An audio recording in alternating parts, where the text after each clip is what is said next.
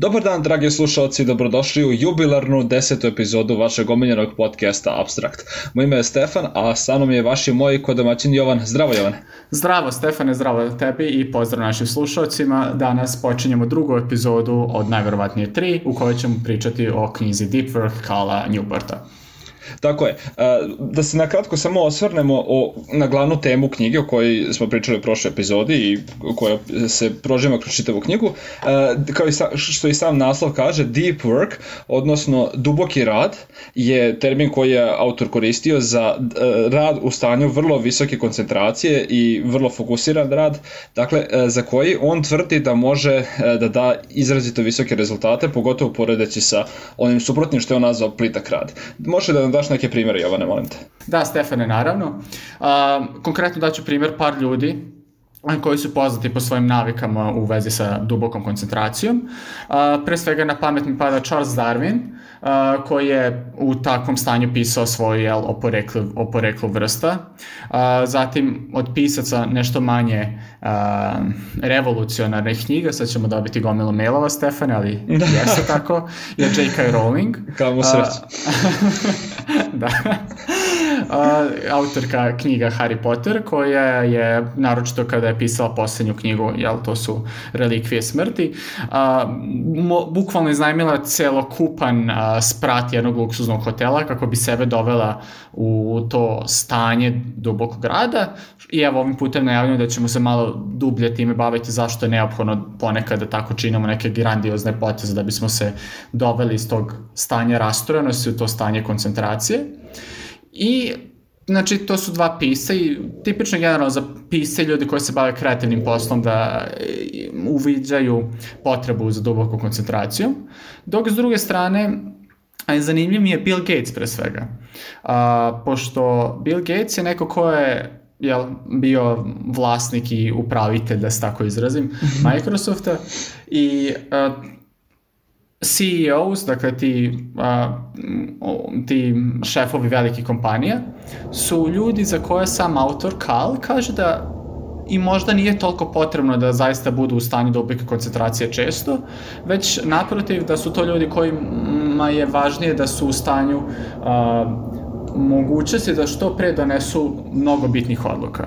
To jest, mogućnost da odgovaraju brzo na potrebe radnika im je bitnije od toga da imaju jedan neprekidan tok rada. I onda daje, na primjer, Marka Zuckerberga, vlasnika Facebooka i sada Instagrama i Whatsappa, a, koji ima staklenu kancelariju i dozvoljava radnicima da ga prekinu u svakom trenutku, što je bukvalno krajnja a, suprotnost od dubokog rada ali eto, njemu to uspeo, znači nije, nije zaista neophodno da svi budu u stanju dubokog rada, međutim, Bill Gates, koji je u takvom stanju kao Zuckerberg većine godine i naravno bio vrlo uspešan, jel? Čak i Stefan Velja uspio da radi za njegovu kompaniju, tako da eto. Ali, eto, ovaj, on je svake godine dve nedelje odlazio iz svog redovnog okruženja, nije pričao ni sa Melindom, ni sa Porezbukom, on se bio potpuno odaljio, prekinuo sve a, tipove komunikacije i i odvojio je vreme da razmišlja o velikim mislima, velikim idejama i planovima koji će dugoročno upravljati Microsoftom. I meni je to bilo vrlo zanimljivo zato što eto, govori da ne mora sve biti crno ili belo, da čovjek može da a, na deep work po, posvrta ne obavezno kao sveobuhvatajući način života, već kao jedan bitan deo ili bitan alat u životu, Stefan? Ja mislim da su ovo neki primjeri, da li tebi možda padi još neke na pamet ili? E, tako, složio bih se potpuno sa ovim što si rekao da je to vrlo bitan alat i samim tim treba ga i pažljivo primenjivati shodno tome čime se bavimo.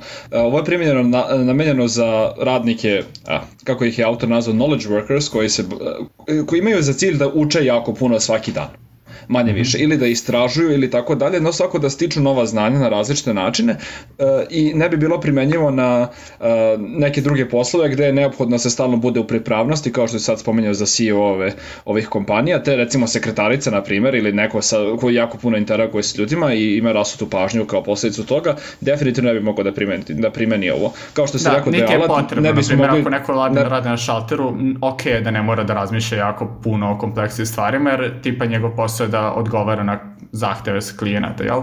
To, I mislim da to isto bitno da kažem da znači da ako neko ne, ima posao koji ne zahteva deepwork, da deepwork ne treba da bude proxy za vrednost posla ili još manje za vrednost osobe. To je isto nešto u što čovjek možda može lako da upadne kada se čuje ove teme. Da, to si jako dobro rekao, e, zato što pomalo zvuči nadmeno kada pričamo kako e, se mi bavimo stvarima koje zahtevaju deep work i kako smo mi zbog toga, e, ne znam, intelektualno napredniji od drugih ljudi, što zapravo nema veze sa tim, nego samo su drugčije vrste poslova sa manje interakcijom, možemo čak reći antisoci, antisocijalne, ali opet, da, da, da kažem, dva različita načina da uh, opišemo ono čime se ti i ja bavimo. Uh, tako da, kao što se rekao, to je alat i ne bi ga valjalo primenjivati gde mu nije mesto, kao što rećemo, ne znam, čekićem, seći meso, prilično bi bilo ne svrsi shodno. E sad, uh, da nadovezao bih se na to što si ti rekao, uh, kada, kako ne treba koristiti deep work kao merilo E, produktivnosti neke osobe i toga koliko je e,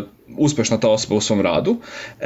E, sad, često se postavlja pitanje kako u velikim firmama ili kako uopšteno u životu proceniti e, koliki je, koliki je nivo produktivnosti neke osobe koja nema neki konkretan e, proizvod kao rezultat da pokaže. Li jasno vidjeti u fabrici kako čovjek proizvede 200 cigala svaki dan, pri čemu nemam pojma je li to malo ili puno sad na pamet, ali ako čovjek proizvede neki broj nečega svaki dan, onda to se može meriti po jel, broju proizvedenih predmeta, e, ali kako ćeš reći za, ne znam, istraživača, evo, fizičara, teoretičara ili eksperimentalca ili bilo šta, kako je njegov, koliko je njegov rad produktivan ili za bilo kog u nečemu čime se, u, da kažem, tvoje oblasti, Jovane. Upravo tako, da. I mislim, to je nešto što, eto, čovekom već može da pade na pamet odmah. I e, naslov naše prošle epizode glasi a, duboka koncentracija u rasturenom svetu. Zašto je svet rasturen ako, eto, već i Karl kaže duboka koncentracija ili duboki posao će se ceniti sve više i više u budućnosti. A, on kao odgovor na to nudi nešto što je i meni palo na pamet dok sam slušao knjigu i on se bio ponosan kad je on isto to dao kao rešenje a to je taj problem što je produktivnost abstraktan pojam u zanimanjima koje si upravo opisao, Stefane.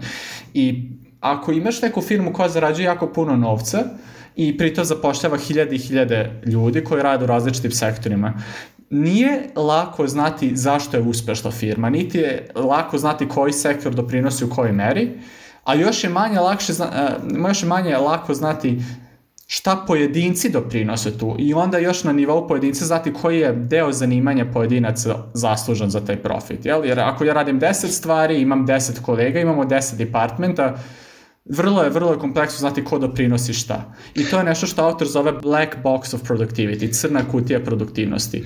Teško je znati šta doprinosi produktivnosti, je tako? I onda daje jednu formulu, Stefane, koju mi možda možemo sad da kažemo slušalcima. Pa da, manje više produktivnost je intenzitet tog našeg rada pomnožen sa vremenom, gde mm -hmm. intenzitet obuhvata i stanje koncentracije i našu generalnu sposobnost i tako dalje, znači samo onaj krajnji rezultat.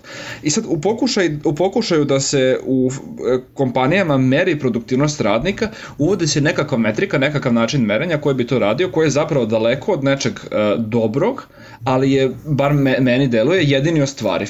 Te, na primer, u nekim kompanijama uh, se manje ili više produktivnost meri uh, u tome koliko često uh, zaposleni komuniciraju sa drugima putem e-mailova. Jer to znači da nešto rade. Oni su zauzeti, nešto rade, pišu mailove. E sad to što sam ja, ne znam, programer i treba da e, programiram, a ono 5 sati dnevno pišem mailove, verovatno pokazuje da možda nismo najbolje organizovani, a opet ja ispadam tu jel, zaposlen.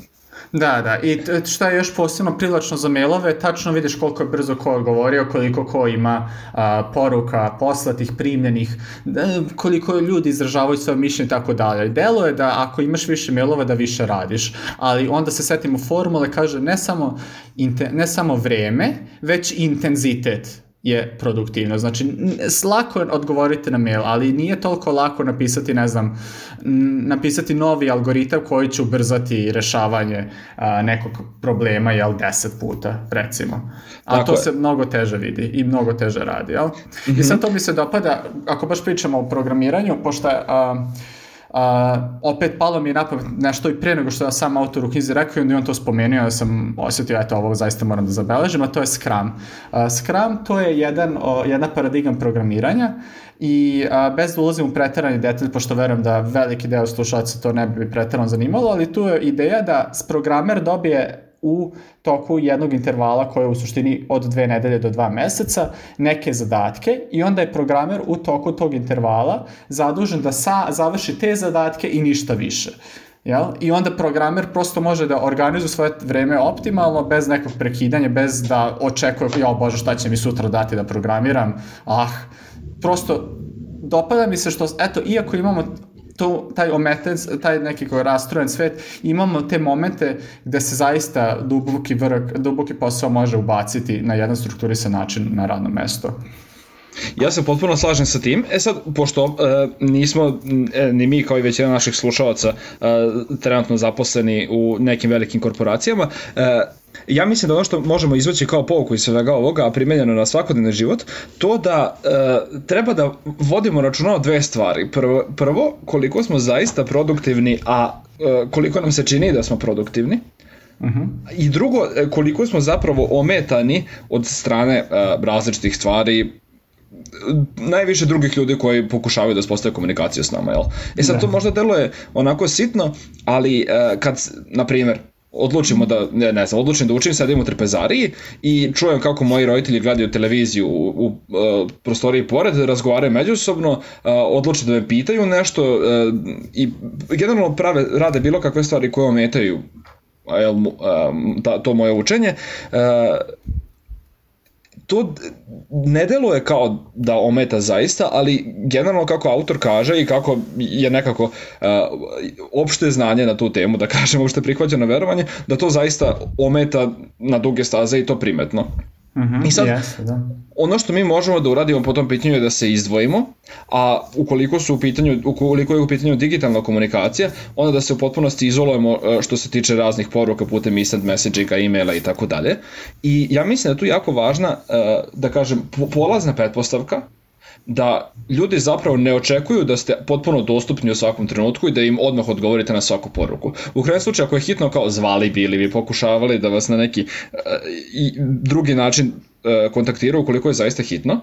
Uh -huh. uh, I mislim, posmatrate to sami, kad uh, pošaljete nekome poruku i ta osoba vidite da nije proveravala poruke na instant messenger sistemu koji koristite, uh, prethodne, prethodne dva sata, verovatno ćete vidjeti, aha, zauzete nešto radi, ne može sad da vidi, ok, nećete sigurno biti u fazonu, jao, kakav kreten nije sad proverio poruke.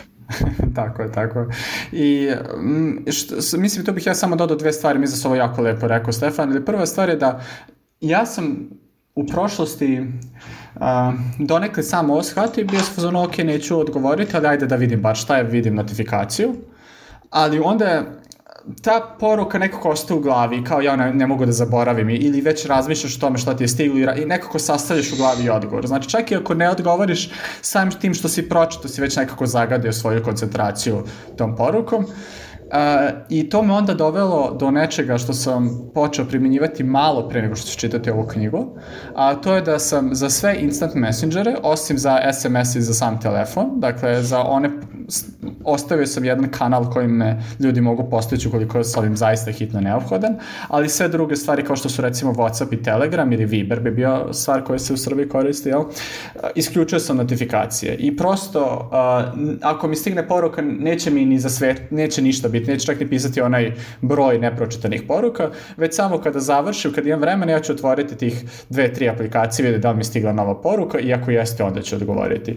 I to je nešto što, našao sam ja tebe na obavestio na početku Stefana i ti si on bio uh, od mene zatražio da imam ja bar još jedan instant messenger na koji ćemo se čuti ako nešto hitno, ali na taj drugi instant messenger se čujemo vrlo, vrlo redko i ti si umeđu vremenu isto to pokušao da radiš i mislim da naši socijalni životi nisu propatili zbog toga, a meni barem je značao dosta i primetio sam da se nekako srećni osjećam. Opet pomenut ću Facebook na koji se danas možda opet vratimo. To je jedna od stvari koja na početku deluju čudno i čak malo i fale nekako, jer to je na neki način i zavisnost, ali kako onda prođe vreme, osjećaš se prosto srećni i, ako, i spomažu produktivnost, ja bih rekao zaista.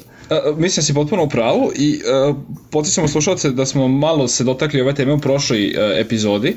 Naime, spominjali smo taj pojam, kako su ga nazvali, uh, zaostatak pažnje, E, gde ukoliko razmišljamo o nekim stvarima kao što je poruka koju nam, koja nam je stigla u Jovanovom scenariju, e, ona zauzima neki, neko određeno mesto u našoj pažnji i često se sećamo i ometa dalje razmišljanje na neku drugu temu, tako da ukoliko bismo, ne bismo izgubili samo tih 5 sekundi da pročitamo poruku koja nam je stigla, nego i mali deo efikasnosti u narednom nekom periodu. Mali ili veliki, zavisi jel, kolika je važnost te poruke.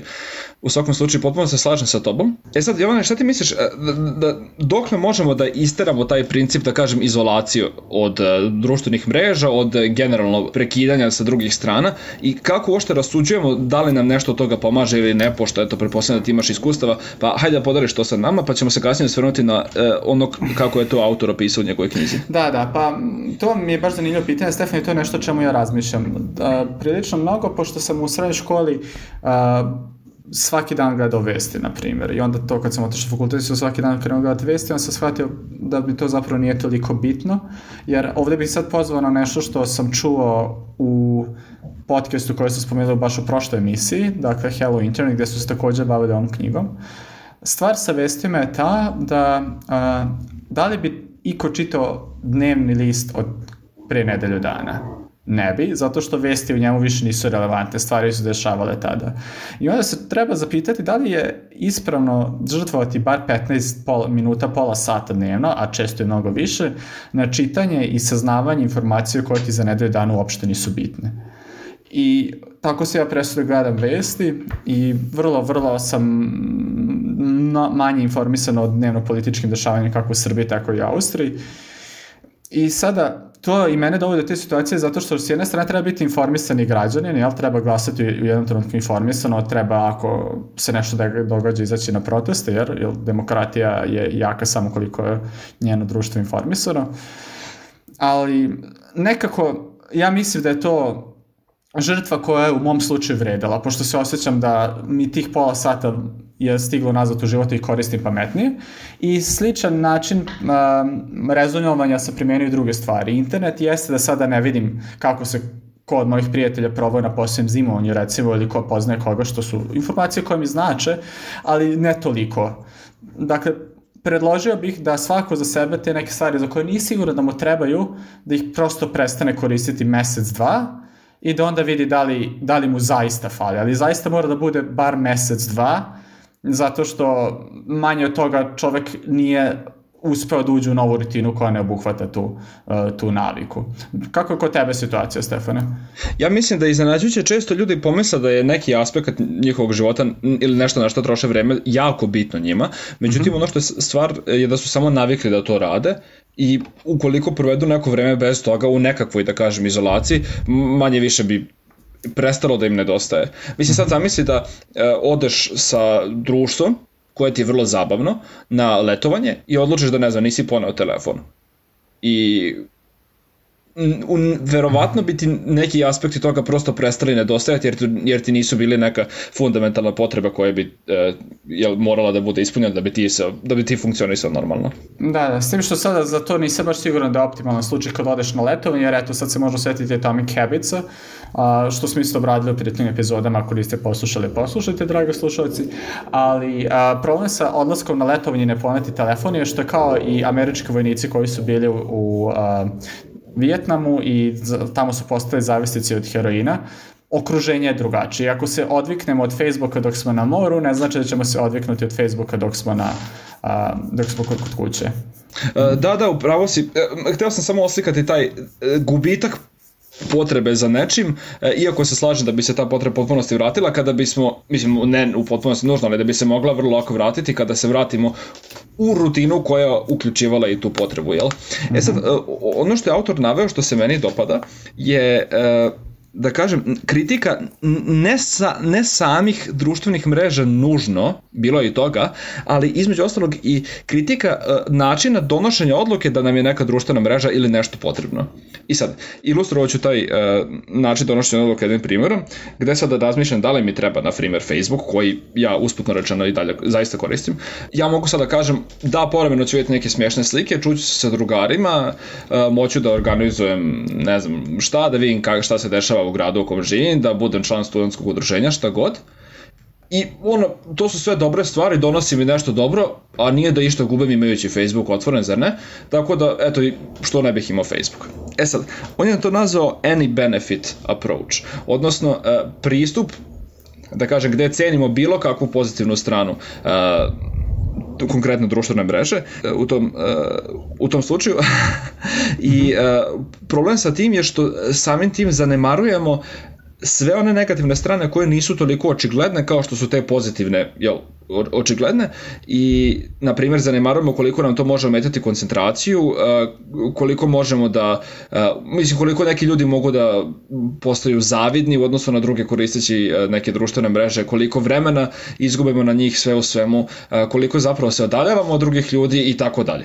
I sad, to ne znači da ukoliko smo, na primjer, se preselili u novi grad, gde treba da upoznamo nove ljude, gde smo počeli tek da studiramo, treba da budemo uključeni u dešavanja na fakultetu i tako dalje, da ne treba da imamo Facebook. Ne, nego samo treba da razumno odlučimo o tome i da ne zanemarujemo negativne aspekte korišćenja toga samo zarad onih nekih pozitivnih koji su, eto, vrlo očigledni i upečatljivi.